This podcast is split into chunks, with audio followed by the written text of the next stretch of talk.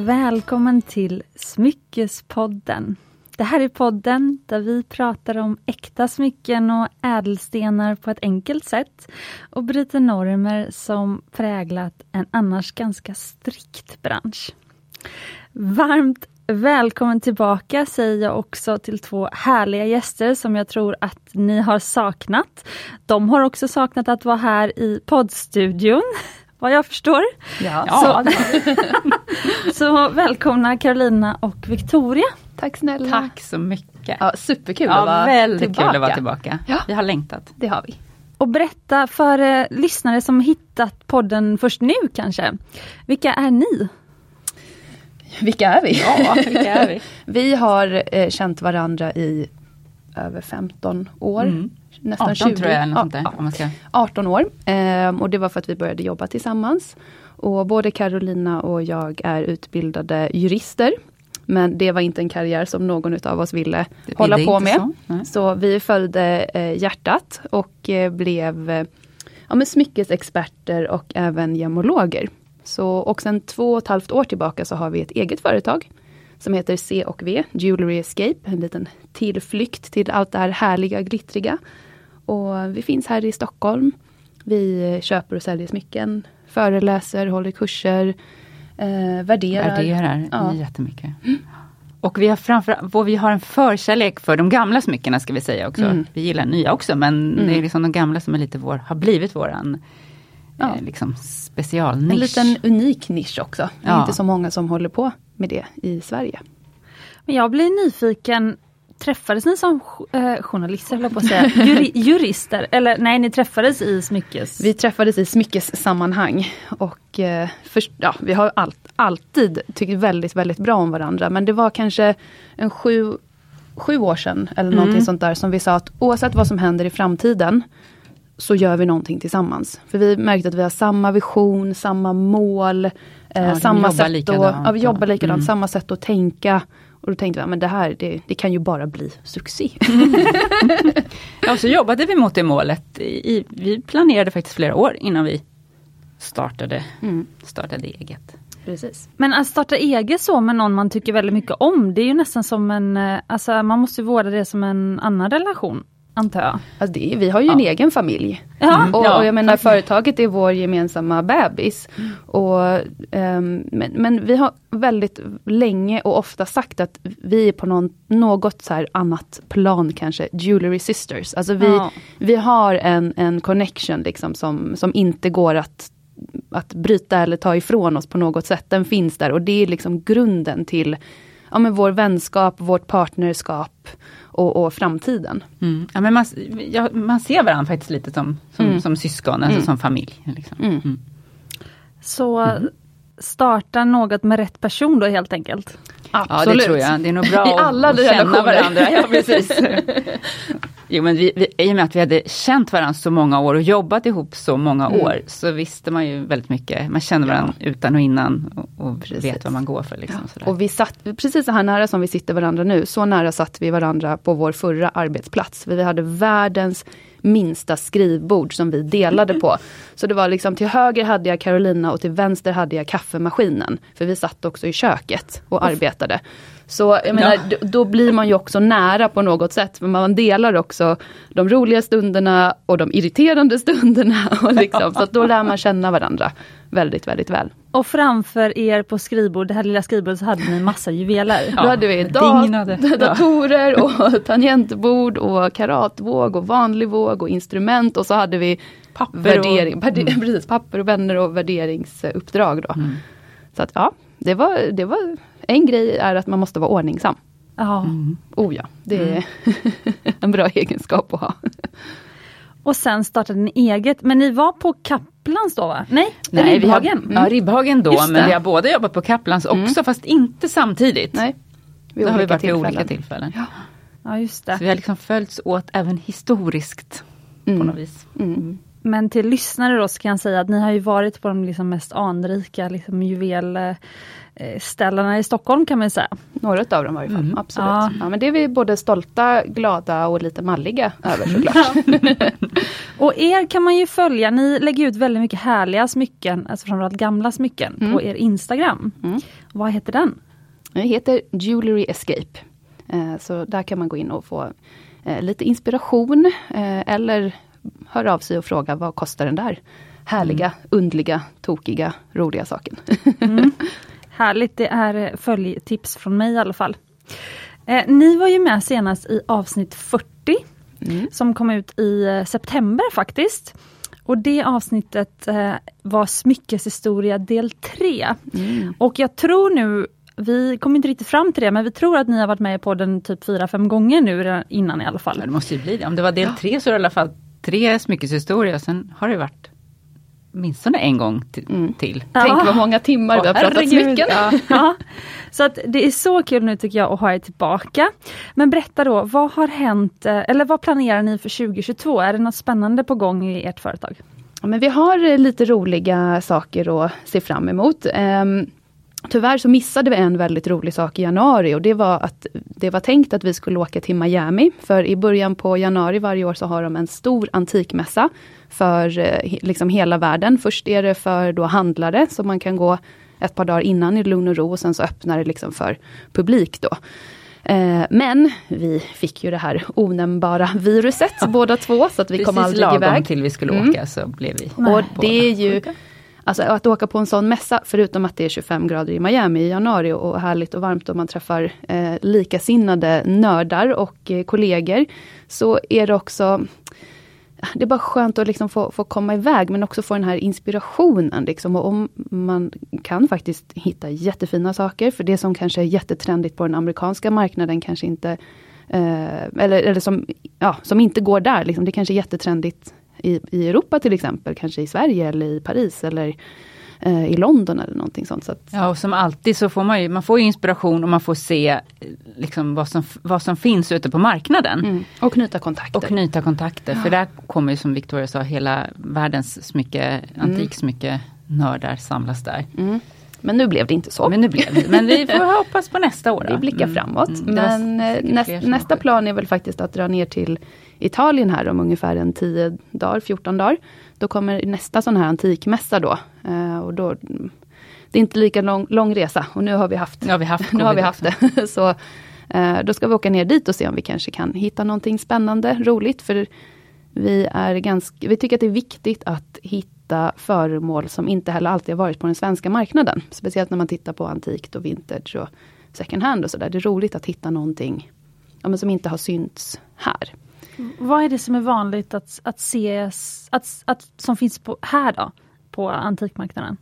Ja, men det är nog mer att det är just vissa föremål som man har sett på auktioner och, och som publiken här har sett också på auktioner. Men Mm. Vad som återkommer?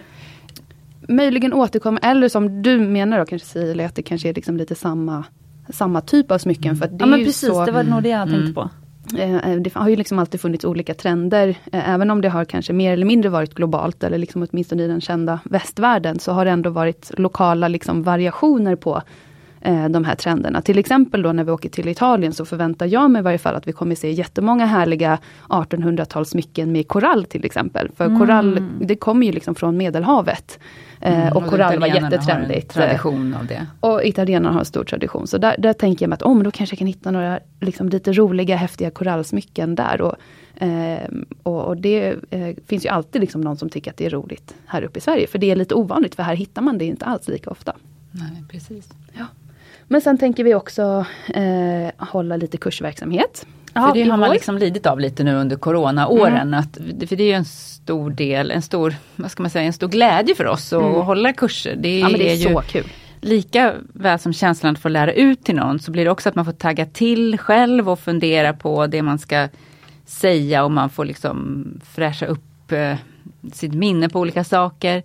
Och så, det ger så mycket också att, att liksom träffa dem som man håller kurs för och få de här frågorna och responsen. Och, det, det blir en sån otrolig kick tycker jag. Det är väldigt roligt. Så det har vi liksom nu hoppas vi att vi äntligen kan komma igång med det. Ja, verkligen. För jag har ju faktiskt fått ett mail från en tjej som ville att vi skulle ordna någon sån här eh, gathering med Smyckespodden där man får frossa i ädelstenar och smycken och sånt där. Gud vad kul. Så jag tror att det är många där ute som vill samlas och vill se och sådär. Mm. Och sen kan jag också tycka något som jag har um, faktiskt blivit inspirerad till mycket av er, men det är ju det här att bara, för jag själv åkte ju till uh, Uppsala auktions um, Kammare. Kammare. Ja, kammare, precis. Um, ja men det var väl förra helgen, ja men då alla hjärtans dag, ja precis, det var Ja. förra helgen. Mm. Ehm, och, och kollade på alla de här smyckena och det var ju bara så häftigt att bara få kolla och prova och sådär och liksom Man behöver inte köpa dem, man, man kanske Man inte kan vill bli köpa inspirerad allt. bara. Exakt, Mm. precis. Så det här bara att få frossa i någonting utan, och det är som att gå på ett nöjesfält Mm. liksom, men utan att behöva handla. Gud ja. Eh, och ni har ju så mycket skatter till exempel som ni skulle kunna visa upp. Mm. Mm. Och eh, liksom kunskap att ge också, för eh, liksom kunskap och att få lära sig om det man gillar är också så ett sätt att få frossa. Och jag tror också på det där, just som du sa med kunskap, att man, att man måste kunna se smycken som mer än bara en snygg och vacker sak. För ju mer kunskap man har, desto mer uppskattar man smyckena. Det är liksom en, en ytterligare dimension om man vet vad det är man har. Mm. Och vad det är, man vet vad det är man ser. Mm. Helt rätt. Det sa ju Kina i sitt avsnitt av podden också. Eh, som var en trendspaning för 2022, men då sa hon det här att eh, lite synd att bara prata om smycken som styling, alltså för det så som vanlig media pratar om smycken eller modetidningar och sånt. Eh, det är ju liksom så här kan du matcha dina smycken med den här tröjan eller något sånt där. Eh, men det är ju inte det här personliga och det här liksom, ja men djupet som Nej. ni vill åt till exempel. Nej, Och vi nej, har ju det- en fantastisk kund apropå det. Jaha. Hon köper ju kläder efter sina smycken. Ja. Alltså jag tycker det är så himla roligt. Hon bara, nej jag måste ha en svart lite tjockare tröja för att den, den, min brosch måste sitta bra på den. Liksom. Och då Ja, har hon gått och köpt det. Och jag tycker det är så Fantastiskt. fantastiskt. Äntligen! Men, men vad skulle er kurs handla om då? Eller vad, vad, vad vill ni, vad funderar ni på? Jo men då, eh, vi samarbetar en del med Uppsala auktionskammare bland Ja, annat. okej. Mm. Och eh, då har vi tänkt att vi ska eh, hålla en kurs då om smyckeshistoria.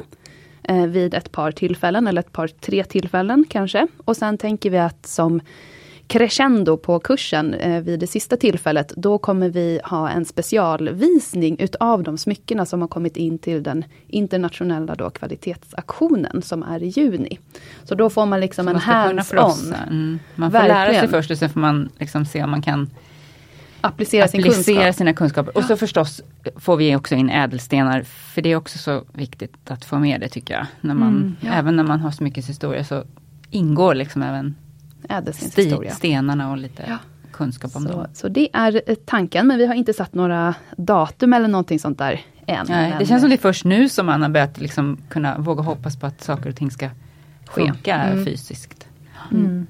Och jag tycker att eh, det är så bra att ni vågar ändå prata öppet om det, även om det inte spikat och så. För att jag hoppas att de som lyssnar och blir sugna på det här, de kommer skriva till er, kanske skriva DM på Ja. Instagram eller så. Mm. Ja, men det är och bra. säga den Så. där kursen måste ni hålla. Så roligt. Ja men det är bra, vi behöver lite pepp. Ja. Mm. Och sen ska vi faktiskt också ställa upp på Antikmässan. Eh, Antikmässan är eh, Stockholmsmässan då, en gång per år. Det är så- inte bara i Miami och Nej. Italien, utan det finns i även i Sverige. Stockholm. Eh, och den ska, skulle egentligen vara som den här, nej. Vecka 10. Vecka ja, 10, alltså nästa inte nästa vecka. vecka, Nej, men ja, förlåt, veckan efter, veckor. ja, i mars. Eh, men blev då eh, framskjuten på grund av de res- restriktioner som rådde då. Eh, så nu kommer den istället hållas i slutet utav maj. Mm. Jag tror att det är 19 till 22 maj som är datumen ute på Stockholmsmässan i Älvsjö. Och det är liksom ett, ett, en fantastisk mässa, naturligtvis för alla som lyssnar på Smyckespodden som tycker det är kul med smycken, men överhuvudtaget och allt inom från alltså högklassiga antikviteter, möbler, konst, ner till liksom eh, fat, eh, vintagekläder, alltså mer sådana som gillar att gå på loppis Alltså, kan det- också ha en Den glädje är av att gå dit. så Det finns rolig. allt. Vi älskar själv. För det första så är det jättekul att få ställa ut där, för vi träffar så otroligt mycket folk. Det kommer alltså tusentals besökare varje dag till mässan. Eh, vi kommer träffa jättemycket roliga människor. Vi får träffa alla våra kollegor i antikbranschen, vilket är skitkul. Mm. Man får se fantastiska föremål. Eh, och man får se jättetråkiga och töntiga föremål också. Så att det är verkligen högt och lågt. Men det kan vara jättekul att hitta den där korkskruven från 1800-talet Ja, för ja. en hundralapp. Alltid handlar man någonting på Eh, eller, ett, eller ett, hittar man kanske kompletterar med ett glas som saknas i ens kollektion eller ett Ja. fat eller en cool bricka. Eller man kanske hittar en jätterolig retrolampa från 70-talet. Eller så hittar man liksom ett par fantastiska kandelabrar med porfyr och eh, brännförgyllda eller någonting sånt där. Så att det, Mm. Ja, det finns, finns verkligen. Man får åtminstone inspiration till sig själv och till sitt hem kanske. ja. Så då får man handla och det är inte auktion? Nej, det är, man, får Ah. allt är till salu där Mm. också. Så att det, det kan varmt rekommenderas. Det är så roligt att gå på den här mässan. Ja det är verkligen jättekul. Och vi ska få ställa ut där. Så vi kommer Ja. ha en egen liten monter Mm. där vi tar med våra godisar. Mm. Härligt! Då kan man också komma och frossa. Precis, det är också meningen att man ska kunna prova och te- testa, prova, titta, fråga, Ja. köpa. Ja. Ja precis. Och ni har ju faktiskt tagit med er smycken för första gången till poddstudion. Mm. Ja. Så ni lyssnare, håll utkik på Instagram, där kan ni Mm. följa med. Jag ska filma och fota allt. Men vi har ju ett väldigt härligt tema idag. Ja. Ja. Jag, eh, alltså jag gav ju nämligen de här tjejerna ett uppdrag till det här avsnittet och det var ta med er fem smycken var. Berätta helst inte för varandra så. Sen så har ni ju sneglat kanske nu i alla fall. Ja. Eh, men eh, fem, inga smycken, hemligheter för varandra. det går inte. fem smycken var som liksom tillhör liksom den moderna basgarderoben av smycken men som ändå är klassiker. Som man säger, vilka gamla klassiker liksom eh, har en roll även i liksom den moderna kvinnans smyckesgarderob. Ja. Och ni är ju proffs på gamla smycken och gamla klassiker så då tänkte jag det här kommer bli hur spännande som helst. Ja. Och ni var ju inte sena på att haka på. Nej, Det är jättekul. Vi älskar sådana här små twister. Det är så roligt. Men innan vi går in på huvuddelen då kan man säga, då ska vi bara eh, göra en liten snabbkoll på vad ni har på er för smycken idag. Ni har ju på er väldigt snygga smycken. Ja. Just det. Ska jag börja idag Ja, då? varsågod. Jag tänkte just på att vi skulle prata om klassiker, så jag tänkte att jag skulle ta på mig några klassiker med en liten twist. För jag gillar det där att man, eh, man kan ha det klassiska, men man kan göra en twist så att det passar för just en själv, vad man gillar själv. Därför har jag till exempel, till exempel tagit på mig ett pärlhalsband. Jag filma här. Ja, men det som jag har är inte liksom ett klassiskt pärlhalsband egentligen. Utan det här är ett pärlhalsband som består av både eh, odlade saltvattenpärlor och eh, Tahitipärlor. Som ju kommer från en söderhavsmussla som är mycket större. Och det är så graderat i väldigt små och mycket större. Och sen är det även färggraderat så det går liksom från vitt till grått. Eh, vilket jag tycker är fint. Och sen kan man även dela det här i två. Så att nu är det ett långt som jag har på mig men man kan också dela det så att det är ja, Det var ju sjukt häftigt. Ja, så att man kan göra det till två stycken. Jag kan visa sen. Till två stycken. Som sitter. Tack. Så att jag har min Victoria. Ögonen. Ja, gud vad Ögonen. snyggt. Det är alltså en liten Ja. öppning som sitter mellan Ja. två pärlor man inte ens ser. Bajonettlås som det heter. Ah, wow. Mm. Så kan man, kan man få två korta så. här. Så. Mm. Eh, så Ja, okej. då kan man liksom ha sitt pärlhalsband men med en annorlunda twist. Och sen har jag på mig, för att matcha, har jag pärlringen. Eh, och jag har hittade den här pärlan. Alltså det var inte en ring utan jag hittade en pärla som jag älskade. Den är liksom stor, den är jag älskar den här färgen som är liksom lite grå, silvergrå men ändå på något vis lite varm. Ja den är, den är underbar. Så att jag hade den först ganska länge bara som den var, som ett så här härligt litet ägg att hålla i handen. Men sen har jag faktiskt monterat den på min gamla förlovningsring som jag inte använder längre för jag tänkte den kan ju inte bara ligga där. Så att nu sitter den på min förlovningsring och så sitter den mittemellan två stycken alliansringar som är nästa klassiker. Ehm, Jag måste bara lägga till att det är den största pärla jag sett i lantbruket tror jag. ja, ja, men, Eh, nej men den är ju, måste ju vara 12 mm i Ja, diameter. oj. Den bara sticker upp. Är nog ännu mer ja tror jag. den är mer tror jag. Men den, För, för många tjejer säger så här, nej men jag vill inte ha något som sticker upp. Men du har, då kan ja, de den här titta på sticker din upp. ring. Ja precis, den Ja. sticker upp. Men det, det, den här är för att jag älskade den här pärlan. Jag Ja. hittade pärlan och bara, den vill jag ha. Och sen gjorde jag ett smycke efter pärlan. Liksom. Eh, och eh, den är ju rätt så stor så den vill ju snurra. Ja. Och då kan jag tipsa om att det är inte så tokigt faktiskt att ha den emellan två Mm. ringar. För på något vis så stabiliserar det, stabiliseras det upp då genom att man har något som den liksom ligger an till. Mm. Ehm, så att, eh, det, och det är nästa klassiker är ju alliansringen då. Som, som är, och då har jag en twist på en av alliansringarna att jag inte har en vanlig vanliga briljantslipade diamanter utan jag har en lite annan slipning som heter Flanders-slipning som är lite kantig. Mm, ja, berätta om vad, vad Flanders är för slipning. Det är som en... Om du tänker att du har en, en rund sten och så har du liksom kapat av så att det blir fyra hörn. Nej, det blir dåligt. Det låter som Eller en kudde. Ja, fast det är inte en kudde utan du har liksom avfasade hörn. Kudden har ju så Ah, som rundade åtta hörn. hörn. Ja, precis, som åtta Okej. hörn. Mm.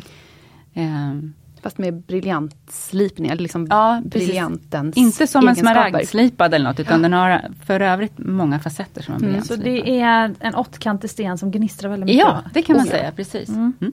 Och det var bara en slump att det var så. Det var inte egentligen att jag sökte efter sådana stenar men det, det bidde så. Mm. Jag hittade ringen och gillade den. Eh, och sen har jag min en alliansring som jag nästan alltid har på mig med smaragdslipade diamanter som jag gillar väldigt mycket. Mm. Du ska ta en bild på det här så att det finns. Det är ju skitsnyggt måste jag säga.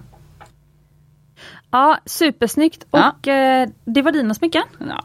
Sen har du Sen har jag mitt lite- armband, som jag, det är också en klassiker. Diamantarmbandet. Ja. Eh, som också, många gillar ju idag, det ska vi väl prata om sen, eh, tennisarmbandet med många diamanter. Men jag har inte tennisarmband utan jag har ett gammalt armband från 30-talet. Med, men med diamanter runt om. På, ja, på ett annat sätt, inte bara i en rad utan de sitter liksom lite mer geometriskt. Så det kan man säga är som tennisarmbandet men med en twist. Eller klassiska diamantarmbandet med en twist. Och sen har du en liten brosch. Sen har jag min br- en brosch. Som den, det kanske inte, ja, det är väl på ett sätt en klassiker men, men ja, bro, broschen behöver uppmuntras. Det brukar, behöver vara fler som har brosch. Jag har väldigt ofta den här. Det, är som en liten, det ser ut nästan som en liten stav med diamanter. Så den är så här gnistrar och är fin. Och liksom varje gång jag sätter på mig den på min stickade tröja som jag har på mig så känner jag, men gud nu, nu det var något som fattades. Nu fick jag på broschen, nu ser det liksom klätt ut. Utan att den är så här jättestor. eh, Det, det är inte så att man ser ut som man ska gå på fest. Utan det funkar liksom till. eh, Till stickad tröja tycker jag nästan är det bästa att ha brosch till. Så det liksom piffar upp väldigt mycket. Väldigt Ja. fint. Det är jag. Det har jag på mig. Idag har du klätt på dig. Ja, det har jag verkligen klätt på mig. Verkligen. Mm. Ja men jag, jag har ju lite ungefär samma sak nästan. Eh, nu syns inte det men i öronen så, jag kände mig lite så här bold and crazy här i mellandagarna så att jag tog lite extra eh, hål i örat. Oj, men du kan ta av dig, du behöver inte ha... Men jag har det här, kolla. Oj, oj, så att jag har tagit några extra. Och jag kände mig jätte, jätte, jättecool. Och inte alls töntig och gammal. Ehm, och kände jag så här, att ja, men jag, ja, det kändes liksom lite kul. Och, eh, för jag älskar örhängen. Och det allra bästa är ju såklart att man kan ha fler örhängen, Mm. tänker jag. Så nu har jag två stycken små eh, såna här läkeörhängen i.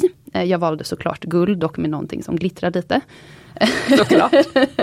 Det gör jag också när jag tar fler hål. Eller hur, min vana trogen.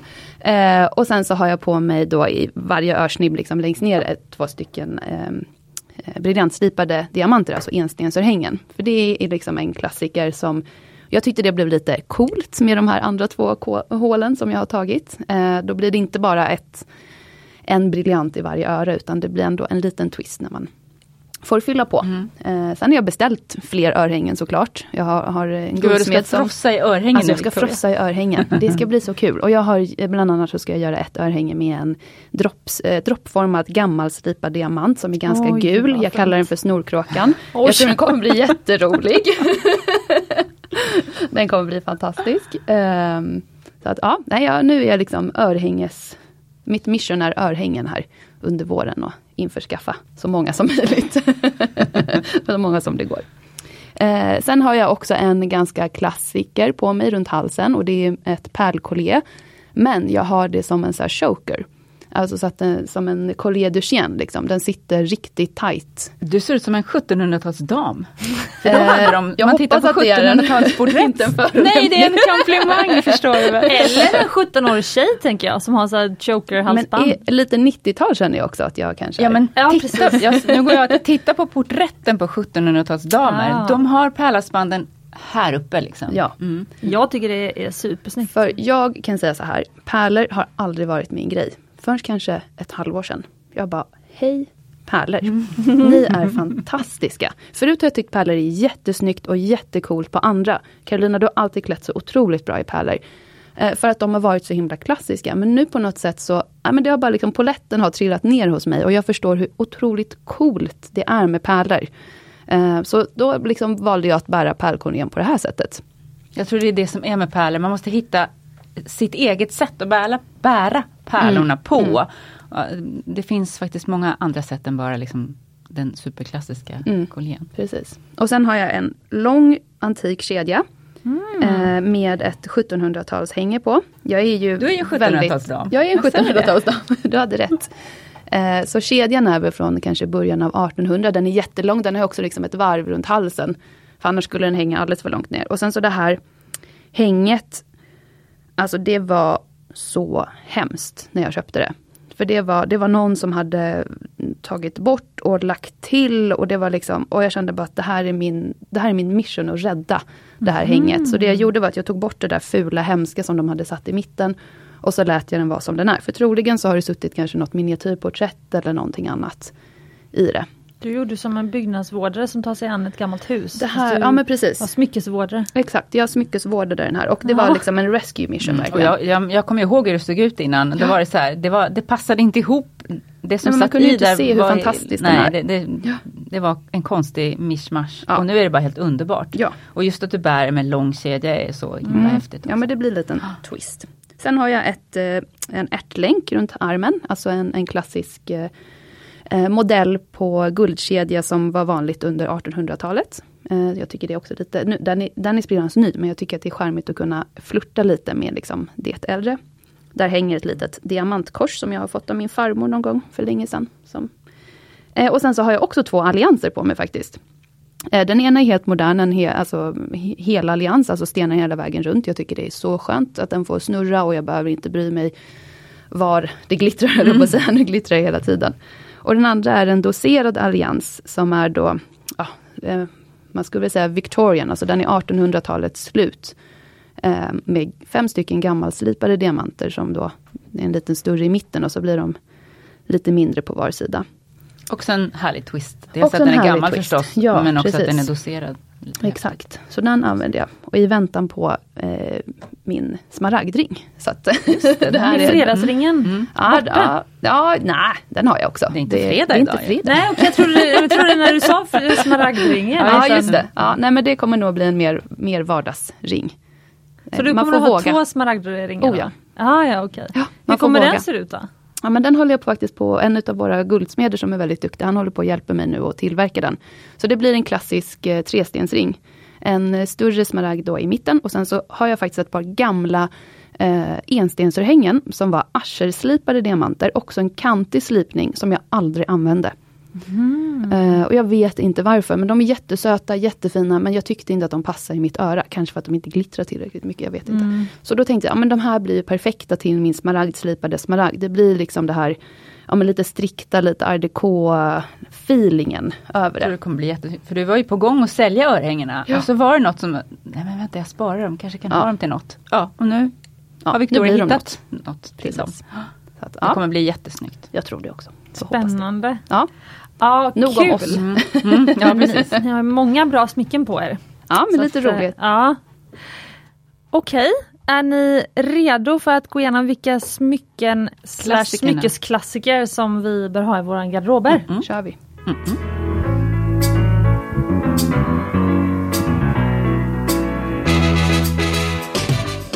All right. Var ska vi, vem ska börja? Jag ska vi tänker köra att vi kör tennis? Ja, vi exakt, vi Ja. kör tennis. En, en börjar och sen fortsätter den andra. Ja, men ska jag börja då? Ja, börja. Ehm, och då tänker jag börja med någonting som man kanske tycker är jättetråkigt när man hör det. Men det är det inte. Jag tänker börja med den klassiska medaljongen. Ehm, och medaljongen är ju alltså ett smycke, det, det är ju som en, en liten bok eller vad man ska säga. Eh, ett smycke som man under, egentligen alltså 1800-talet, så liksom, ja, då, då växer det liksom eh, trenden med medaljonger. Egentligen är det en slags memento mori, alltså en påminnelse om, om döden, eller egentligen kanske mer en påminnelse om livet. En, en liten så här carpe diem eller YOLO eller någonting sånt. Eh, för att eh, det, det är ju liksom ett smycke då som har ett litet gångjärn för att man ska då kunna öppna upp den här som en bok. och i det här smycket har man då tidigare, alltså under eh, 16 och 1700-tal, då har man antingen haft ett litet porträtt på någon som man älskar lite extra mycket. Eh, eller kanske en liten hårlock. Och sen under 1800-talet, då när liksom fotokonsten föds, då börjar man också eh, sätta i fotografier i sina medaljonger.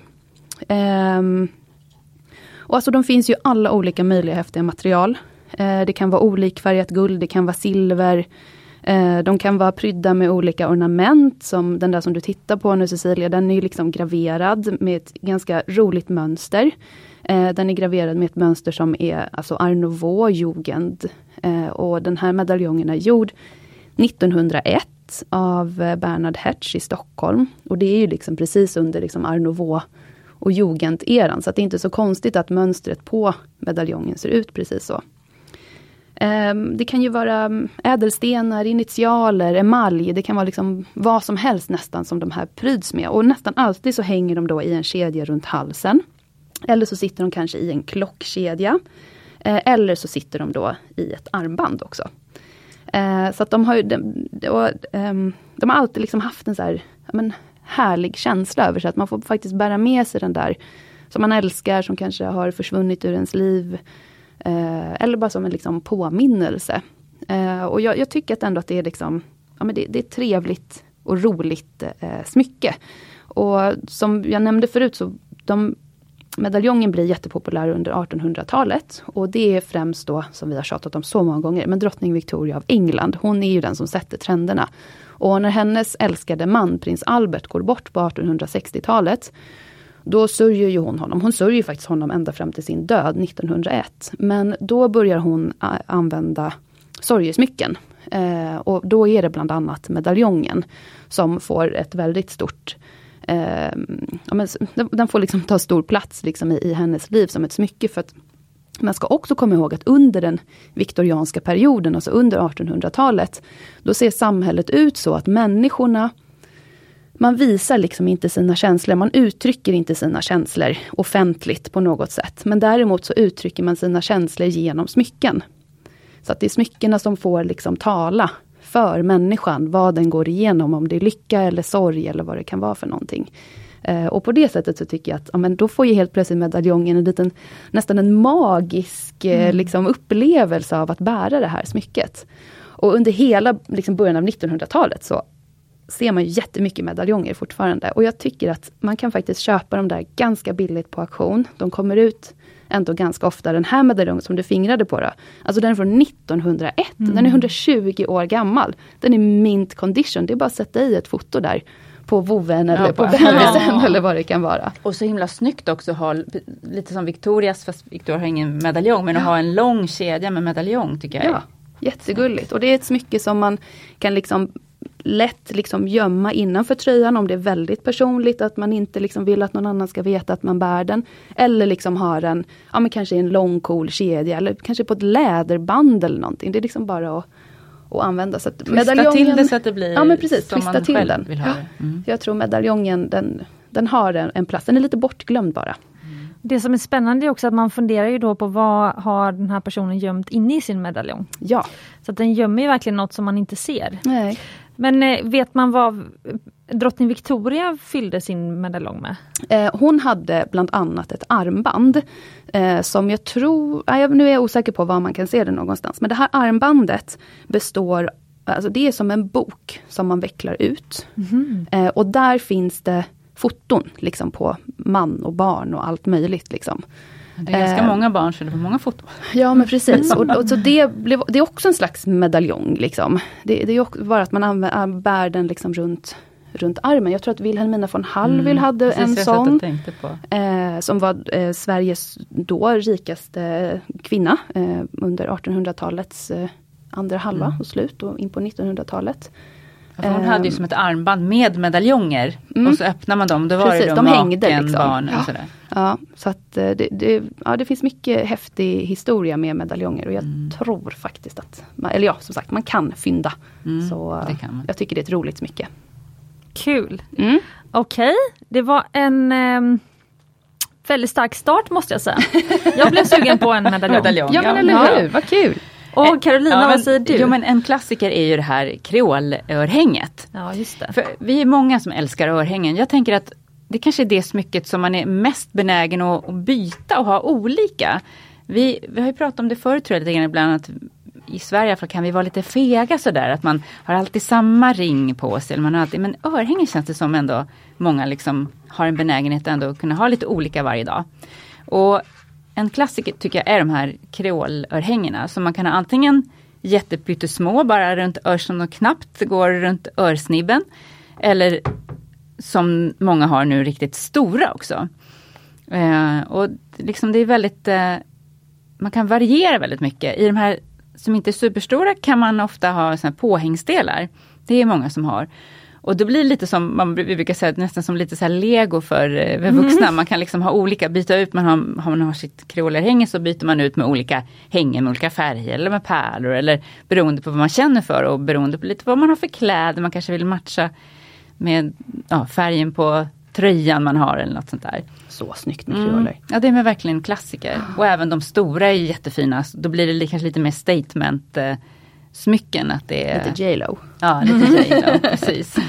Eh, och, och det gör inget, de behöver inte vara liksom jättestora och breda utan det kan vara tunna men, eh, men, men stora.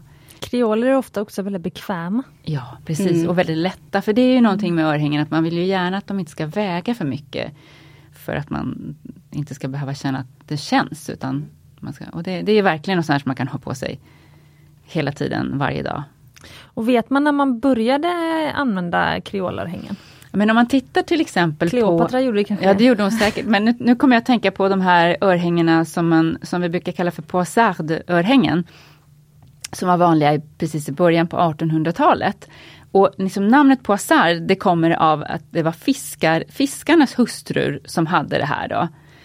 Eh, jag tror po- poissard betyder fiskare på franska. Nu tittar jag på Victoria som är Ja, lite bättre ja. på franska än jag. Eh, och det, det var liksom som en rund ring och på den tiden så hade man dem, ja precis nu visar Victoria en bild. Såna där, det, skulle, det är en av mina drömmisar som jag skulle Wow. vilja äga. Den ett par såna där. emaljerade... Ja just de är nog, Mm. har emalj. De här, det som är lite speciellt med dem, det är att när man ska sätta på sig de här örhängena så sticker man in dem från baksidan. Man, I vanliga fall så har man ju hålet och så sticker man in örhänget framifrån och knäpper det bak. Men de här är tvärtom. Då sticker man in från baksidan och så knäpper man det fram. Det är lite krångligare. Första gången jag skulle sätta på mig ett par sådana här passage så tog det nog säkert en kvart eller något innan jag, innan jag kunde sätta på mig Men det dem. var värt det. Men det var värt det. Och sen när man väl hade gjort det så, ja, då, då satt det. Liksom. Då kunde jag göra det. Men det är lite, på något vis blir det bakvänt. Så, så det är väl det som jag tänker, så här, den första liksom, trenden jag tänker på med kreolerhängen är då tidigt 1800-tal. Och de är, ser så väldigt speciella ut. Och det är mycket, oftast filigranarbete i, är väldigt, väldigt lätta. Och det finns faktiskt ett och annat sånt på marknaden. Mm. Även om många kan vara eh, skadade och sådär om det är emaljarbete och så. Men Så bland annat om man går på Nationalmuseum och tittar på deras eh, smyckesutställning som de har som en permanent utställning. Då har de faktiskt eh, ett Ja, kan, vad kan det vara? Ja, men det är några par i varje fall som det är hänger där. sex, Eh, de, de sitter lite högt upp så att man kanske inte ser dem på det bästa sättet och man kan inte gå så himla nära. Men de har ändå faktiskt en ganska trevlig kollektion utav ganska många Mm. sådana här poissard eh, örhängespar. Ja. Mm. Jag, jag tycker sådana är så drömmigt snygga. Det, det, det har jag på min önskelista att köpa. Men om de kommer från 1800-talet, det, Mm. det finns, finns det många kvar som är välbehållna? Men det, jo men det gör det. det. Det finns många som inte är så välbehållna. Eller många, men har sett en del som inte är så välbehållna. Men ja, det finns också sådana som är. Så finns det det eviga problemet med att man alltid tappar ett örhänge. Ja. Så att många kanske är bara ett Bara ett. styck. Mm. Eh, och antingen får man trenda till det så och ha ett stort coolt. Eller så Om får man har göra om flera det. hål kan man ha Mm. ett. Ja men precis. Ja, men men de är, det, det, är riktigt, det är ju kanske inga jag hade väl haft dem varje dag förstås, men det är inga, det är inga typiska varjedagsörhängen så. Men, men eh, ja, jättesnyggt. Men sådana här moderna kreoler kan man ju verkligen ha varje dag. Mm. Och då, så när man bär kreoler då, då kan man känna sig lite connectad till de eh, franska fiskarna på Ja, 1800-talet. just det. Och eh, när man bär ehm, Eh, Medaljonger. medaljonger, då är man connectad till England på 1800-talet. Ja, Ja, absolut. härligt. Kul att du drar dem parallellerna. Ja, det är bra. Ja. Och eh, din nästa på listan då Victoria? Eh, ja men då, då gör jag så här att jag slår ett väldigt stort och hårt slag för pärlorna nu, min nya kärlek Ja. i livet. Ehm, jag tycker alltså pärlor har ju liksom varit ja, men bortglömda ett litet tag. Det har känts som eh, nu tänker jag inte svära, men alltså lite bijouterismycken. Liksom. Man har tänkt att pärlor det är liksom ingenting att ha. Och jag tror att trenden håller på att vända, eller det jag har märkt att trenden håller på att vända. Eh, så jag vill egentligen bara liksom plocka upp det därifrån egentligen. Ehm, pärlor är alltså vår äldsta ädelsten som är kopplad till människan. Ehm, pärlor är ju organiska. Det är ju alltså en pärlmussla som gör de här pärlorna åt oss. Liksom. Så troligen så har ju människan upptäckt pärlorna när hon har ja, men gått där vid strandkanten och kanske plockat upp en mussla och liksom velat äta och så helt plötsligt kanske då råkat svälja eller tugga på någon, liksom, en liten pärla. Och då har de ju sett, wow, det här är en fantastisk grej liksom som skimrar jättevackert där i, i solskenet.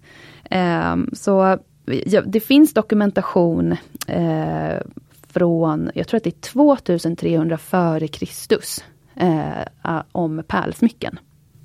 Det, Det är tycker så jag är häftigt. så himla häftigt. Sen finns det ännu äldre dokumentation, jag tror att det är i Egypten, så här 4000 före Kristus, att man har använt pärlemor eh, i smycken. Men då har man liksom använt insidan liksom av musslans eh, Ja, skal. pärlemor är ju insidan av musslans skal ska vi säga också. Precis, eh, och använt det då kanske liksom, ja men, karvat ur det på något sätt. Men, men, här, men för 2300 år sedan finns det då dokumentation på att man faktiskt har använt liksom pärlan i sig eh, i ett smycke. Och alltså det, pärlor, det, det är ju så som det är, alltid är med smycken. Man, vi vill visa makt, status, rikedom och de här pärlorna representerade just det. Att eh, man kunde särskilja människor eh, från varandra. En som hade en högre maktposition i ett samhälle än en annan då såklart.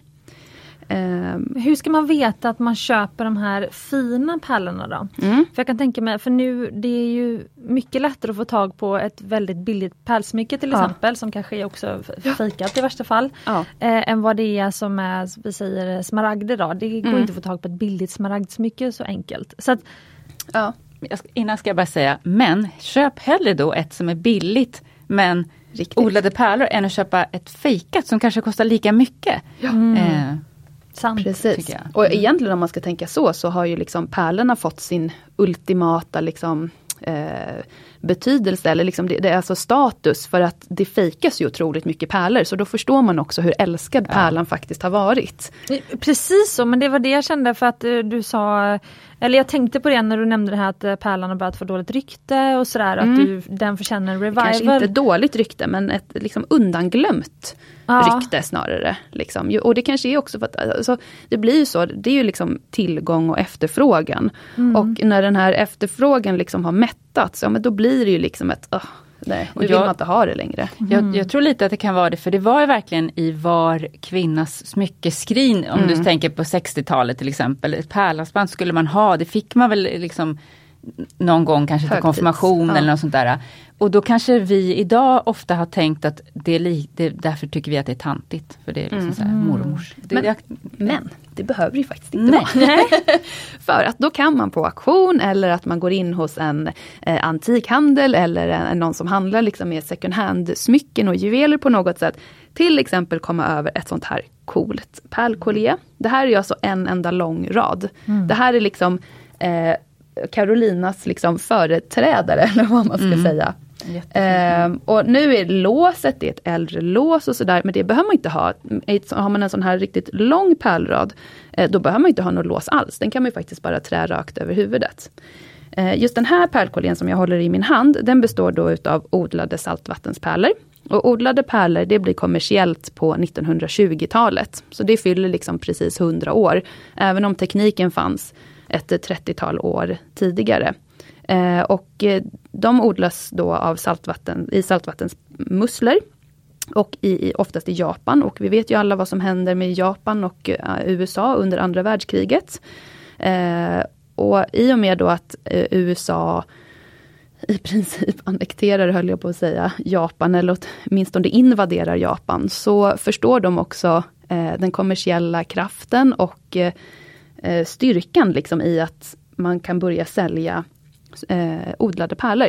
Så att de hjälper, kan man väl säga, Japan i det hänseendet och börjar liksom sprida, alltså börjar marknadsföra. Och vi vet ju hur duktiga amerikanerna har varit under alla dessa tider på att marknadsföra produkter. Och det gör de faktiskt just med odlade pärlor. Så att helt plötsligt så är det varenda eh, amerikansk soldat som befinner sig eh, i, i, Japan eller däromkring har med sig liksom ett pärlkollier hem till sin älskade flickvän eller fru och eh, med det börjar det liksom spridas mer och mer. Så att de, då, det är just där under 50-60-talet, då har det spridit sig globalt. Då har varenda eh, tjej och kvinna ett pärlkollier i sin basgarderob. Mm. Ja, för det, det, känns verkligen som det var så förr. Ja. Det var i bassmyckesgarderoben, ja. verkligen. Men mm. samtidigt så hade man det också kanske vid de lite finare mm. tillfällena. För pärlan är ju faktiskt ett väldigt vackert eh, en väldigt vacker ädelsten.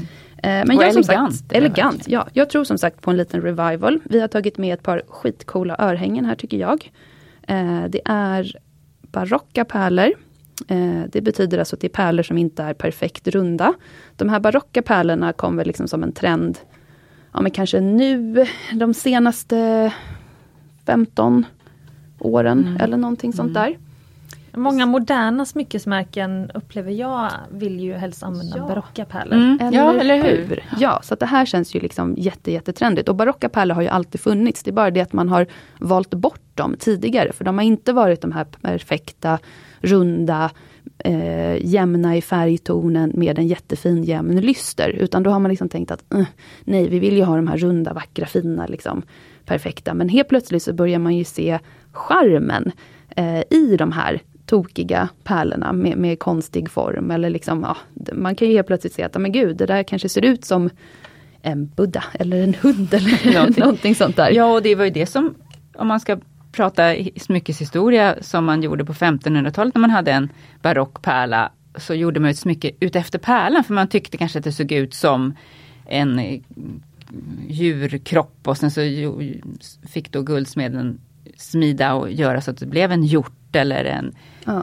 sjöjungfru eller någonting ja. sånt där.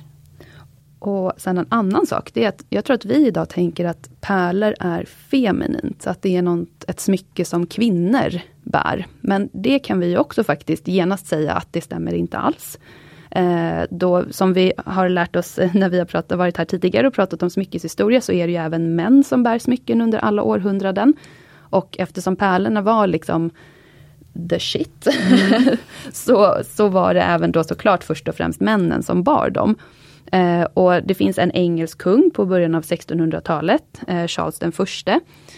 Eh, han får en pärla när han är 15 år gammal som han låter fatta in då i guld och bär i sitt ena öra. Den har han på sig varenda dag fram till 1649 då han blir halshuggen. Och då har han fortfarande på sig pärlan. Pärlan finns kvar så att man kan faktiskt se den på museum. Jättehäftigt. Och helt plötsligt så såg vi kanske för något år sedan eller två, men då ser vi Harry Styles som står liksom på röda mattan och har liksom ett stort pärlörhänge i ena örat. Och eftersom vi då är världens historienördar så, så sa vi, gud det är som Charles den förste av England på 1600-talet. Det är inte hans pärla, Nej. men däremot så är det direkt liksom stilen ah, tagen ja, ja. därifrån. Och sen har vi sett eh, Harry Styles vid flera tillfällen på röda mattan. Det är ofta som han har ett pärlkollier på sig faktiskt. Eh, med ganska stora, ja men oftast lite barocka pärlor och sådär. Så och det har det min, son, min son som är 16 år, han önskade sig i julklapp ja. ett pärlhalsband. Skämtar du? Nej, jag skämtar inte. Och han har, det, han, jag tror att han har sneglat på Harry Styles. För när jag ser ja. bilder på Harry Styles så ja. har han så här ja, stickad tröja coolt. och krage och sen ett pärlhalsband. Och så har min son också ja, outfitat så han fick sig. Det. Ja, det är klart. Så jag hur... blir jätteglad förstås. Men är det, är det vita pärlor? Ja, det är vita pärlor. Alltså ett vanligt eh, pärlhalsband? Ja, som man tror att en, Ja. Herregud så coolt. tant ska ha, säga. Eller hur? Ja. Eh, sen Ja. såg jag faktiskt en skitcool bild på Alexander Skarsgård på Instagram Ja. för inte så himla länge sedan. Och då blir han intervjuad i The Interview Magazine. Och då har de tagit det här fotot på honom. Då står han i ett par eh, svarta läderbyxor. Han har ingenting på överkroppen förutom fyra stycken rader av kritvita, ganska stora pärlor. Och liksom caption här är på det här Instagram-inlägget är This is not your grandma's pearls. och jag tycker det är faktiskt är ganska coolt på något Ja men och just det här, och för att återknyta till det här man tyckte att det ser lite gammalmodigt och farmoraktigt ut. Nej just det, nu har det gått varvet runt liksom. Nu har de unga coola tagit Ja, det nu till är det sig så här istället. en, en trendgrej. Eller ja, man, man ser åtminstone i liksom sådana här magasin. Mm. Ja, men jag Eh, tror så att eh, bland den yngre generationen kommer nog pärlorna komma Pärlan håller på att få en revival. Och Mm. precis som du sa Carolina, eller som du nämnde också, det är ju att man idag faktiskt kan fynda pärlor. Du kan fynda ett coolt pärlkollier, du kanske kan fynda två pärlkollier och så låter du bara liksom, du får dem omträdda. Och då har du helt plötsligt ett långt snyggt som du kan ta ett par varv runt huvudet eller du kanske kan göra ett coolt armband eller du kanske kan sy det på din kashmirtröja som den du inte tvättar liksom så ofta. Så det, det finns ju så många roliga sätt att liksom återanvända sina pärlor på. Så Ja. ett starkt slag för Ja. pärlan. Mm, Och sen har du också ett med tre rader där, men det är ett kortare. Det här är ett kortare, men Som jag var tvungen att ta med det här, för det här är ju faktiskt då någonting så ovanligt som eh, naturliga pärlor. Och, ehm, eller som man kanske säger lite slarvigt ibland, äkta pärlor. Och alla pärlor är ju äkta pärlor, det är bara att de här är faktiskt inte odlade. De här är na- helt naturliga. Det betyder alltså att vi människan har inte på något sätt varit med vid bildandet utav den här pärlan. Och och- orientaliska pärlor säger man ju också. Orientaliska ofta. pärlor, precis. Om de här saltvattenspärlorna. Ehm, så det här kan man också ibland hitta på auktion och sådär. Eh, dock så kostar de, de har en helt annan prislapp. Och det är ju just för att de faktiskt då är orientaliska, alltså naturliga. Och det är den enkla anledningen att sådana här pärlor hittar man inte längre idag. Vi förstör vår hav. Ja. Så att det är liksom nästan, nästan omöjligt. Det finns ett par familjer eh, i Bahrain till exempel som, som handlar med naturliga orientaliska pärlor och de, alltså, de pärlorna de kommer inte ens ut på den vanliga marknaden. Det finns ingen chans för oss vanliga människor att vi någonsin kommer liksom kunna få tag på någonting sånt. Utan vi, vi får helt enkelt eh, leta på auktioner, second hand och eh, vintage juvelbutiker. Och det du håller i nu, är det ute på marknaden? Ja, eller? det här Ah, säljer vi i vår butik. Eh, och det, så här är det, det, det är mycket pengar men det är inte mycket pengar. Mhm. Det här kostar 25 000 kronor. Eh, det är jättemycket pengar men som sagt inte för vad man faktiskt får. Här får du ett treradigt pärlkollier som är doserat, alltså det är en liten större pärla längre ner och så blir de pluttigare ju närmare låset man kommer. Supersött tycker jag. Otroligt gulligt. Ehm, men det som är så underbart och originellt är ju just då att det här faktiskt är de här naturliga orientaliska pärlorna. De här Mm. som du inte får tag på. Och vad hade det kostat om det var odlade pärlor? Eh, I den här storleken, det hade väl kostat runt, ja kanske 7 500-8 tusen Ja. eller något sånt där. Sen är det ett lite speciellt lås också med gammalslipade diamanter och sådär men ja, det hade nog kostat där någonstans. För man måste fortfarande tänka att varje pärla är ju unik för sig. Det Mm. växer en pärla i en mussla. Så ska du då hitta liksom pärlor som då ska stämma med varandra i färg och ton och nyans och storlek. Då får man leta ett ganska bra tag. Mm. Ja, kul. Ja, nu, nu får vi nog snabba på lite Ja, om vi ska kör. hinna med Det alla... är så mycket, mycket att prata om. Ja, verkligen. Jag får bli bättre moderator här. det är vi som pratar så mycket. Men, men då kör jag en, en snabbis Ja, här. din med, eh, andra nu då? Jo, min andra är ju faktiskt det här eh, diamantarmbandet eller tennisarmbandet som liksom har seglat upp tycker jag på senare år och blivit någon sorts klassiker. Som väldigt, vi märker att väldigt många eh, frågar efter och vill ha. Eh, och det finns ju liksom i väldigt många olika, inte många olika modeller ska jag säga, men att det är ju den här, för er som inte vet vad tennisarmband är, så är det ju liksom den här raden av många diamanter så att det blir bara som en som en liksom linje av diamanter som gnistrar runt handleden. Du det kan heter ha väl också Rivière? Rivière heter det kanske egentligen, även om tennisarmband har blivit ett sånt där begrepp som vi har mycket idag som kommer från eh, en Eh, nu ska jag säga, är det var det Chris Evert, en mm. tennisspelare? Just det. 1987 US Open. Som hade ett sånt och spelade i det. Alltså hon hade på sig det när hon spelade. Eh, och, tappade. Och, och, tappade det. Och ja. det blev ju liksom en stor grej. Alltså hon stannade liksom hela matchen och bara Stop my tennis bracelet. Ja. Eller då kanske hon inte sa tennis bracelet. my bracelet, my, my diamond bracelet. Liksom. Ja. Så, att, ja. så att hon skapade verkligen en trend och det känns som att det har, det har verkligen blivit nu på senare år väldigt mycket en trend. Och, och antingen har man små bara 0,02 år eller någonting så att det bara är en tunn tunn rand som går runt handleden eller så är man mera lyxig och har stora stenar. Och det är inte så att tennisarmbandet uppfanns då i och med Chris Evert.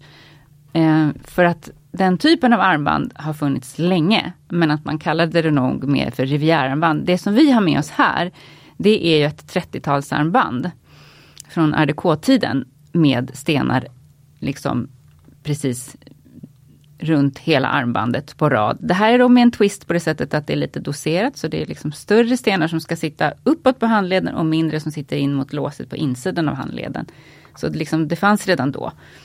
Eh, och det är en sån där, ja men det är en, tror jag är en klassiker som kommer förbli. Det är superklassiskt och det liksom funkar i alla lägen. För det är också ett sånt armband som är liksom väldigt bekvämt och du behöver inte, det har ett väldigt ofta säkert lås och man behöver liksom inte tänka på det så Nej. mycket. Eh, och dessutom så om man skulle fastna i någonting så klarar ju det ganska mycket. Ja. Det ska mycket till för att ett sånt armband ska gå sönder. Mm. Mm. Så jag tänker kanske att det har att göra med att, eh, alltså det, är, det är kanske det som skapar klassiker bland annat, att något är väldigt lätt buret till exempel. Ja, mm.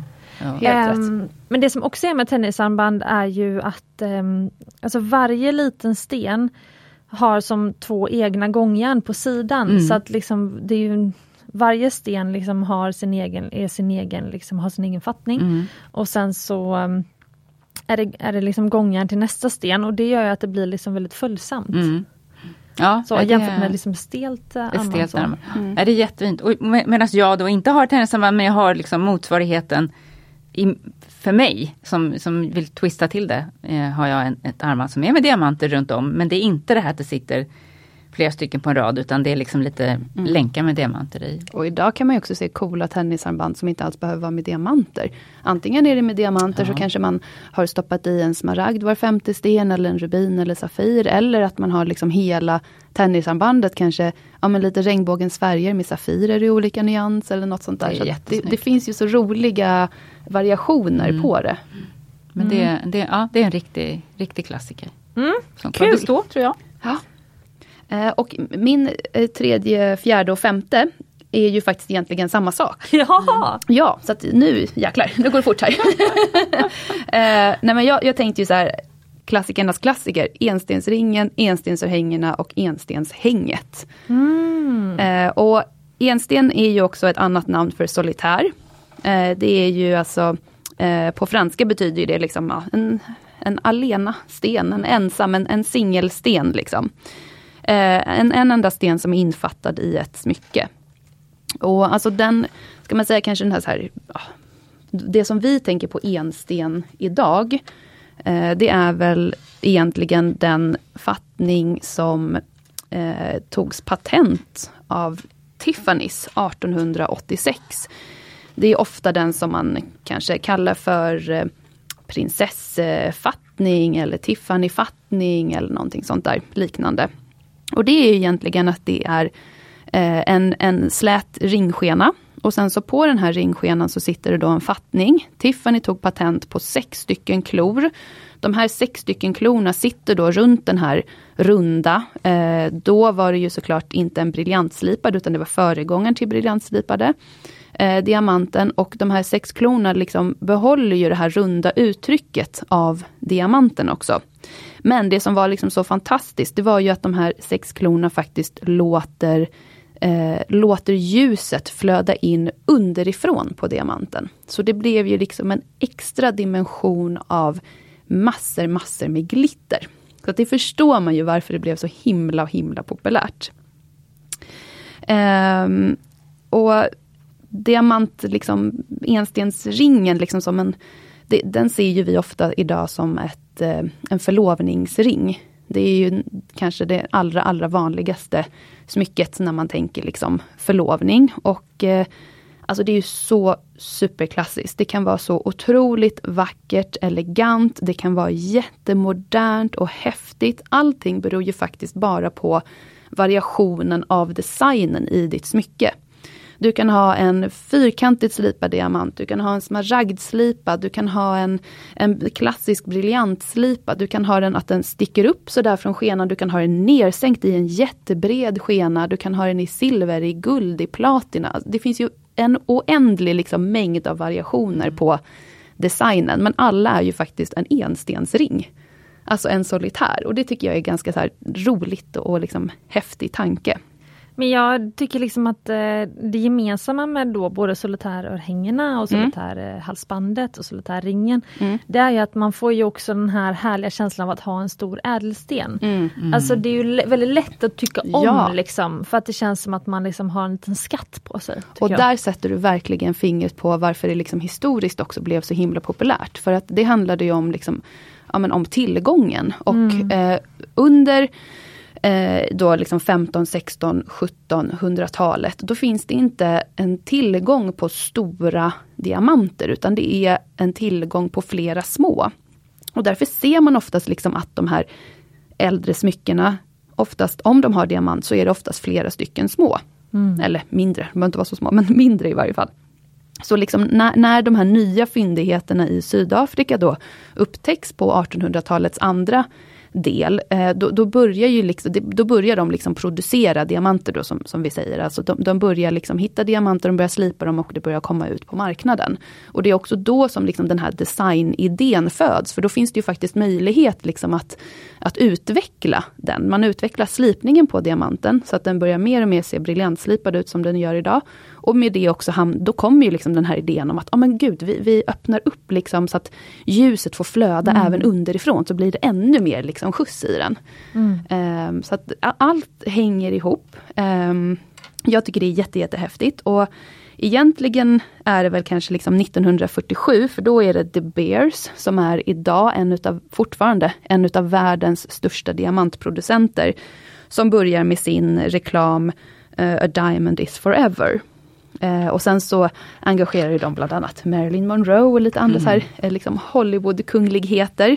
Eh, och eh, jag tror att det är mycket de som liksom lägger grunden till att diamant är den rätta stenen. Mm. Som du ska använda eh, som du använder som en symbol liksom, i ett frieri för en evig kärlek, för den är liksom den hårdaste mineralen, alltså ädelstenen. Och, och så att de får mm. liksom med allt det där, så att de sätter verkligen grunden för varför en solitär diamantring liksom blir så populär som den faktiskt är.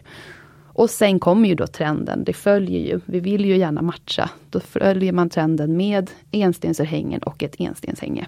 Mm. Så eh, jag tycker det är liksom, nej men det är, det, det, är ett kul smycke och samma sak här, det går att variera på så många olika sätt. Bara att du väljer vilken färg vill du ha på ditt material. Vill du ha gult guld? Ja men det är skitcoolt, ha det då. Då kanske du kan ha en gul diamant. Mm. Det kanske lyfter, liksom. det kanske blir jätteroligt och häftigt. Och en rolig mm. slipning eller ja, vad som helst. Mm. Mm. Så att, ja, eh, det, det, är väl klassikernas klassiker ja, det, kanske. Det är nog klassikernas ja, klassiker. Här är en Verkligen. twist med en liten så här halo, alltså en krans runt. Här är en art ring Det är ju inte riktigt en enstensring, för den har ju lite stenar på sidan, men det är ju liksom ändå en enstensring, mm, för det är mm. ju den stora diamanten i mitten som, som, mm. som räknas. Som räknas. ja, härligt. Ja. Så då är det lite Hollywood glam då, Old fashion Hollywood glam. Alltså Hollywood royalty. Ja, precis. Okej, så dina var då, då var det nummer ett, det var medaljongen, nummer yeah. två var olika varianter av pärlor och sen så tre, fyra, fem var egentligen då solitärring, solitärörhängen och solitärhalsband. Yes.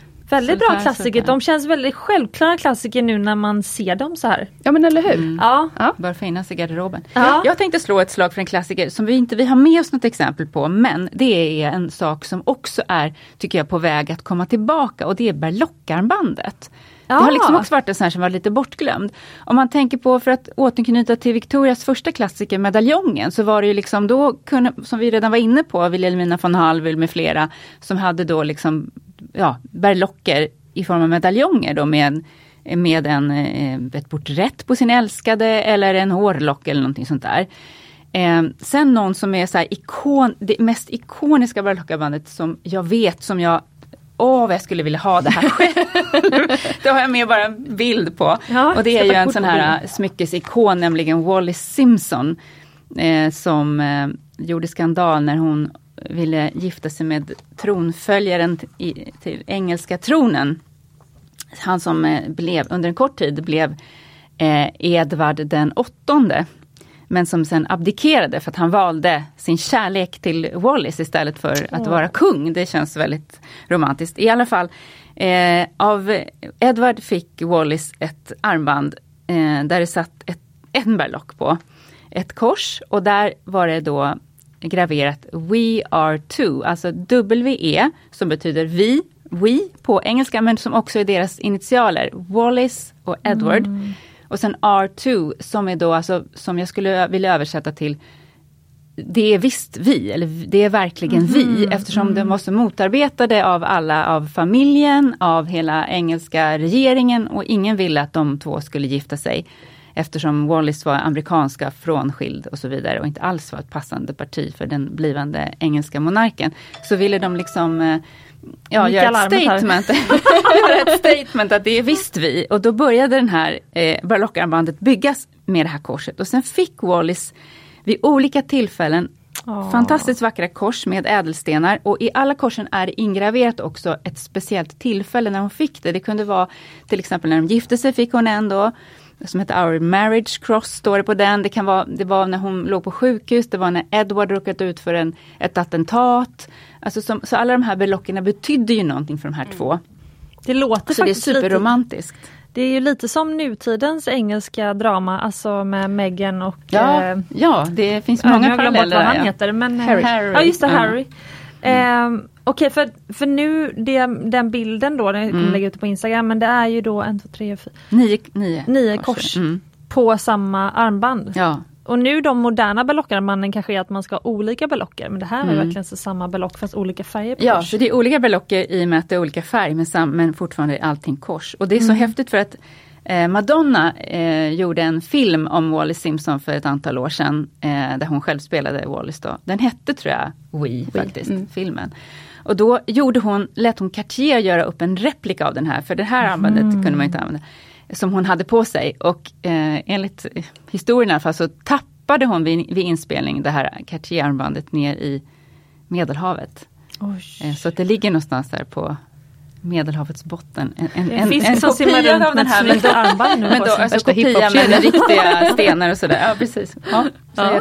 Det, det skulle jag, åh, jag skulle vilja ha det. Och Ja, eh, det kom ju igen sen då på 60-talet var det ju jättemodernt med en klassisk guldlänk, kanske Bismarcklänk och så hade man berlocker som man också byggde på efter olika resor Mm. eller efter efter olika bemärkelsedagar på samma sätt så att varje berlock skulle symbolisera någonting och det är ju liksom något fint med det där tycker jag. Det är ju det med smycken, det har vi faktiskt egentligen sagt i varenda grej här som vi har pratat om. Alltså det är ju sentimentalt. Mm. Smycken betyder någonting. Mm. Det, det är inte en, ytterligare en tröja du går och köper. Liksom, utan det, nästan varenda smycke har ju faktiskt en väldigt stor betydelse i ditt liv. Liksom. Mm. Och de här berlockarmannen från 60-talet tror jag är väldigt många av dem som blivit skrotade för att de har gått i arv och den nästa generation har inte, det verkar omodernt, det bryr mig inte. Så Mm. tyvärr är det ju många minnen som på något vis har blivit skrotade men det känns som det har kommit, kommit upp igen. Eh, med berlockarman. Jag är För det blir ganska personligt Ja, det blir väldigt- väldigt Det blir liksom dina upplevelser, vad du har rest Mm. eller vad du har gjort eller någonting sånt där. Vi köpte ju varsitt, oss varsitt sånt här Childhood-armband också Mm. som Sofie Gyllenhammar har eh, gjort och designat där varje berlock ska symbolisera en artikel i barnkonventionen. Mm. Eh, som är olika, det är då kulor i olika färger, olika ädelstenar. Då som är, det tycker jag också är väldigt fint för det är för det första är det snyggt med olika färger. Mm, och sen är det då dessutom också att det, varje belopp betyder någonting. Även Mm. om det kanske inte betyder, det är något som har hänt mig personligen så är det liksom en, en betydelse i att det är liksom barnkonventionens artiklar. Mm. Så det är också fint och liksom en flört med de här Mm. gamla traditionerna. Ja, verkligen. Ja.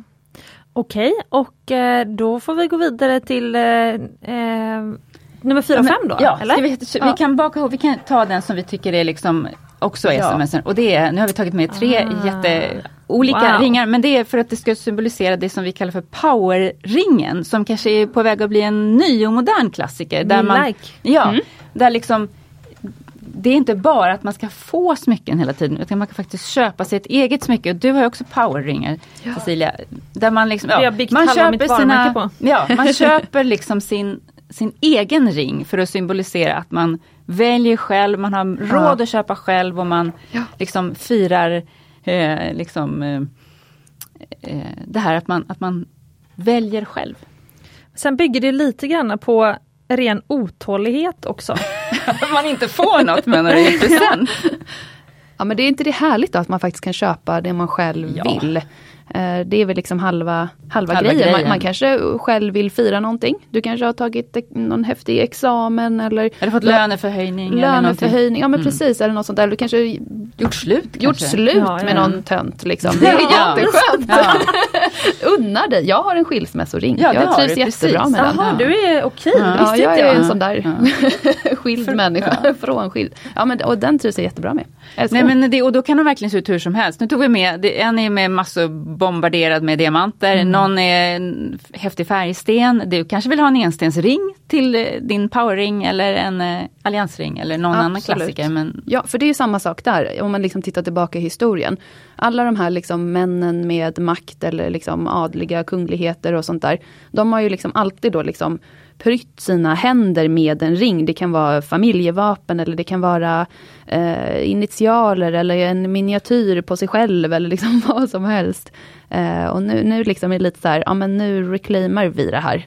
Nu, nu gör vi det här själva. Mm. Jag, jag kanske också vill ha en ring med mina egna initialer på till exempel. mm, något som firar dig själv. Liksom. Ja, fira dig själv. Mm.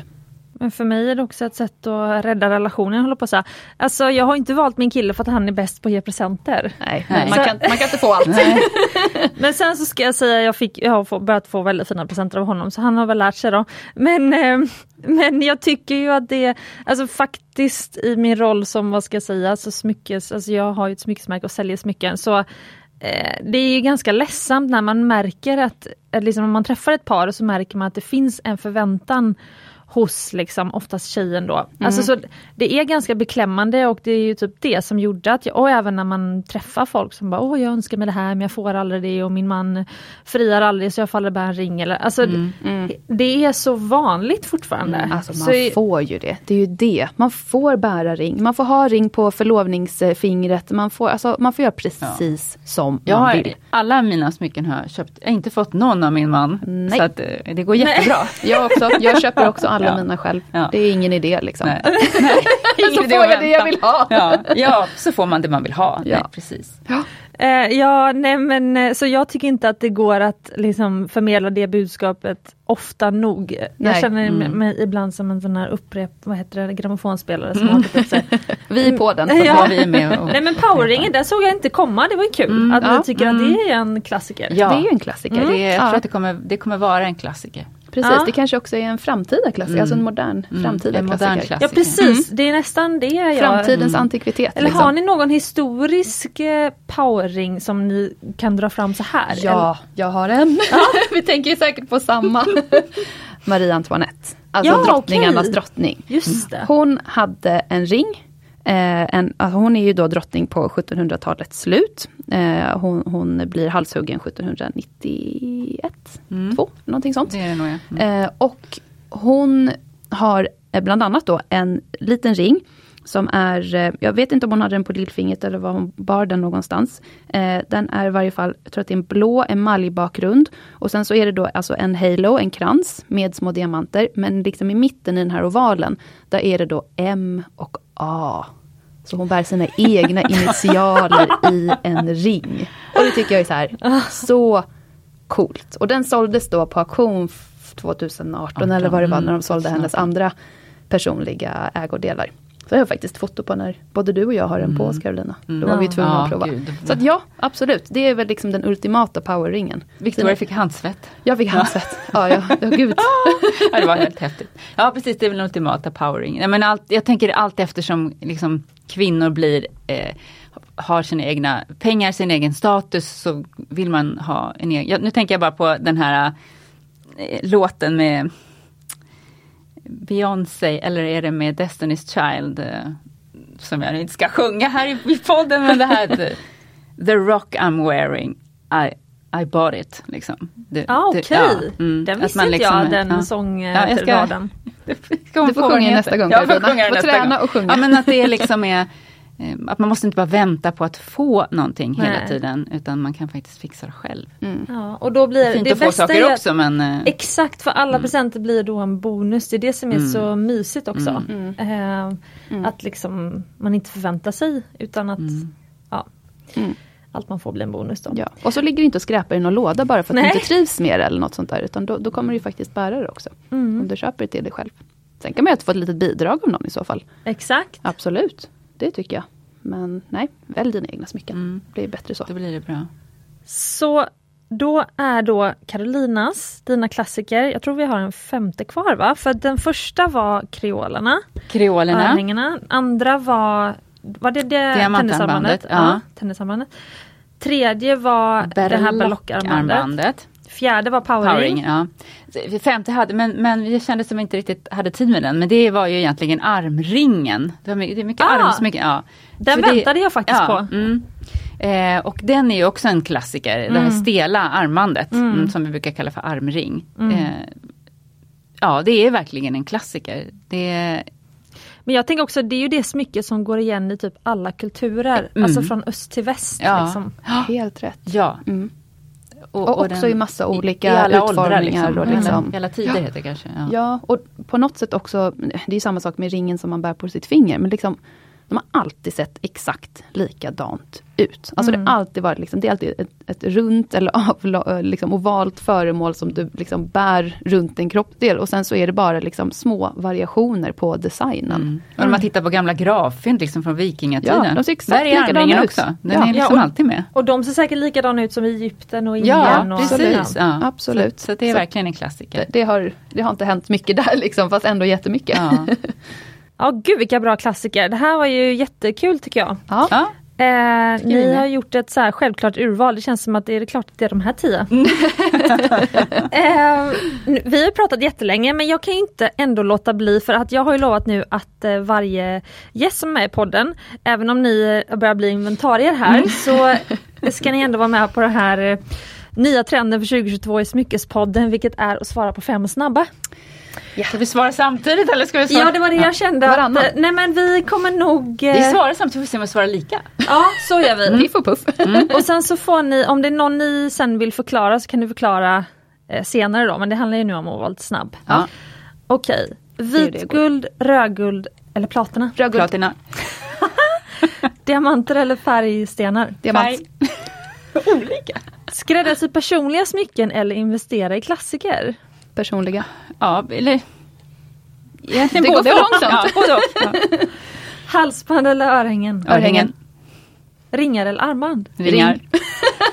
Okej, kul! Eh, Okej men då får ni förklara, eller nu känner jag att jag vill att ni ska förklara det här eh, platina och rödguld. Ja, men pl- för mig är så här platina liksom, det är det, liksom, the queen of eh, ädelmetaller. Metaller, ja. mm. och, och eftersom jag gillar gamla smycken, eftersom jag gillar smycken kring sekelskiftet 1900, det var ju då som platina var liksom eh, den självklara metallen, så därför är platina för mig. Ja. Självklart. Ja, jag håller helt med. Mm. Platina är liksom den coolaste metallen. Men just nu älskar jag rödguld. Och jag trivs inte i, vit, alltså, i smycken med vit metall. Det är bara så här, i kroppen, det känns inte bra liksom. Så att eh, ja, just nu så säger jag rödguld. Och du är jättefin i rödguld. Mm, Ja. Tack. Eh, och sen så var ni olika på diamanter och färgstenar. Ja. Ja, och jag, jag, det är nog så här, jag, när jag tänker på vad jag själv har, så klart att jag har mest diamanter. Men jag, just nu tycker jag att det, jag är så, jag tycker färgstenar, färgstenar känns så spännande. Och det är nästan så mycket jag vill göra, vill jag att det ska vara något med färgsten. Så därför tänker jag så. Ja. Det finns så mycket mer att välja på Ja. också när det kommer till Ja. färgstenar. Mm. Men jag är, jag, jag är tråkig ibland. Mm. Men nej men alltså då, jag tänker liksom på mitt det här fina eh, 1700-talshänget som jag har på mig, liksom, som har så tavelslipade diamanter. När jag ser en sån diamant, då är jag liksom tillbaka i liksom renässansens Italien eller någonting sånt där. Så sitter jag och tänker liksom, den diamanten den har säkert kommit därifrån. Det är någon som har slipat på det här sättet för att han har misslyckats 71 000 gånger innan.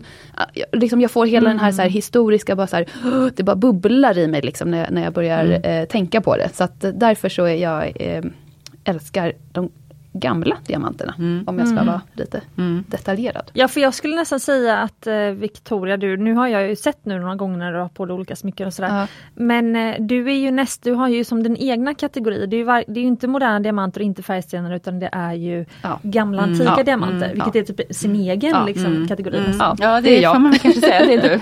ja. Okej sista nu då det här, ni var ju eller du Carolina var, ville ha både Jaha, klassiker eller det där. Ja, ja. Men då Person, skulle jag säga så här då, att jag, tyck, jag gillar ju klassikerna men jag vill gärna ha en, en twist på dem. Mm. Så det blir lite både och kan man säga. Jag vill ha eh, enstensringen men inte den, inte, det van, inte den superklassiska. Jag vill alltid ha liksom någon, någon liten extra twist som så gör att det blir jag. Mm. Och jag gillar twisten med det klassiska uttrycket, vilket är precis ja. det du sa, bara fast från en annan synvinkel. jag tycker det är liksom eh, skitkul. Liksom. Ja, men så här, ja, men jag har på mig en kedja med ett hänge, men det är liksom det är min grej mm. utav det. Mm. Liksom. Fast det så därför blir det personligt. Liksom. Jag har kombinerat den här kedjan med det hänget. Alltså. Du har ju för sjutton berlockarmbandet som Wallis med ett kors. Absolut. Ja, det, det är bara den extremt mycket mindre versionen utav det. Men absolut, inspirationen mm. finns där. Okej, och sen så har jag ju eh, två sista frågor nu då som jag ställer till alla gäster. Mm. Och det här får vi, vi får säga det här übersnabbt nu. Mm. Men vem i branschen inspirerar er eller dig Får jag börja där? Varsågod.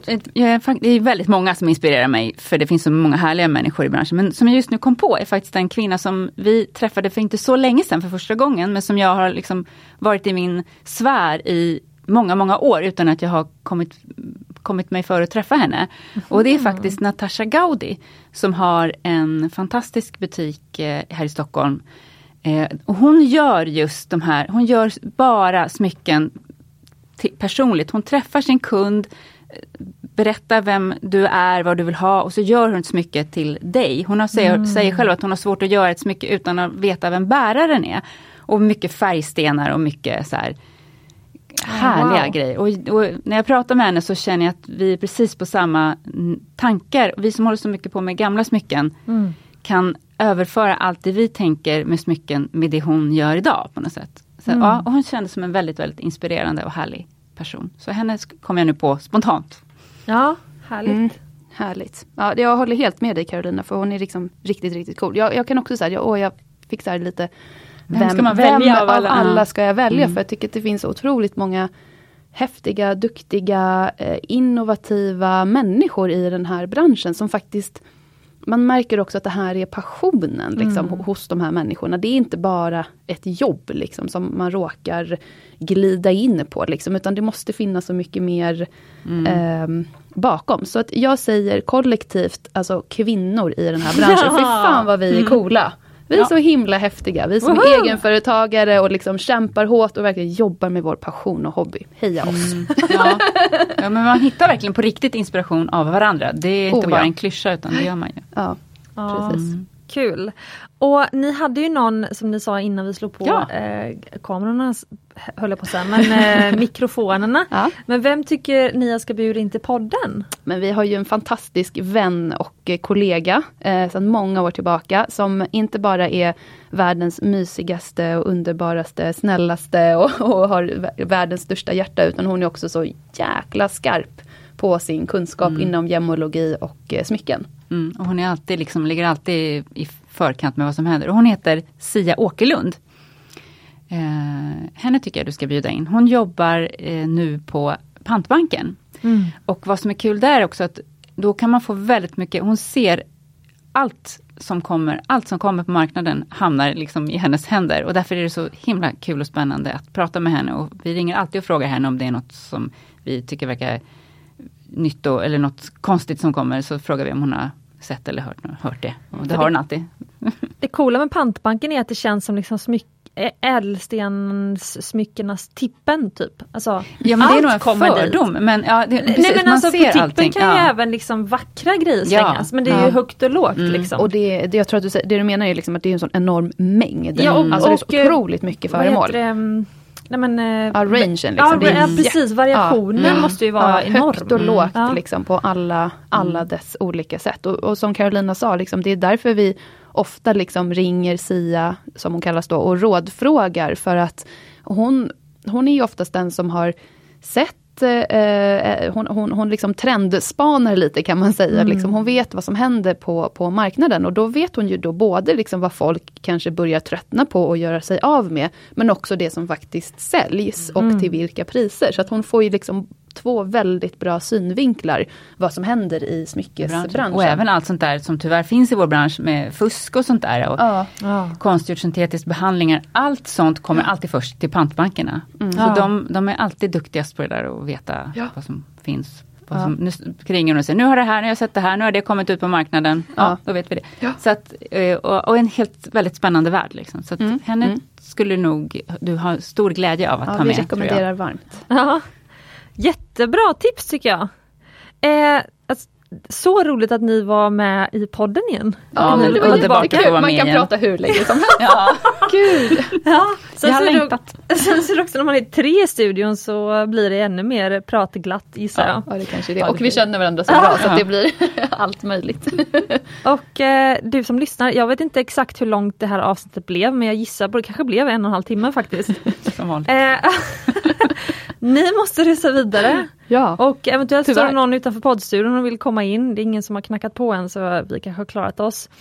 Eh, men jag hoppas att du som lyssnar uppskattade det här avsnittet, tyckte att det var härligt. Och så ser jag fram emot att ni tjejer ska komma tillbaka till podden snart igen då. Det ser vi Väldigt också fram gärna. emot. Tack snälla för idag. Har ni något ni vill säga till lyssnarna? Köp egna smycken. Ja, eh, eh, och, mm, gärna, ni kan gärna få smycken också men, men vänta inte, sitt inte och vänta utan någonting. Utan är det något du vill ha så, så se till att Ja. skaffa det. Dröm om det, spara ihop till det, fynda det. Liksom. Ja. Absolut. Och Det- vilken klassiker ska de börja med? Ja, men om man ska tänka idag, liksom, det man får mycket för pengarna, då är det faktiskt pärlor. Mm. Du får så jäkla mycket för pengarna idag. Bra svar. Mm. Och med det så önskar vi dig en jättehärlig dag, eh, du som lyssnar. Och eh, glöm inte att du är värd pärlor, äkta smycken och ädelstenar.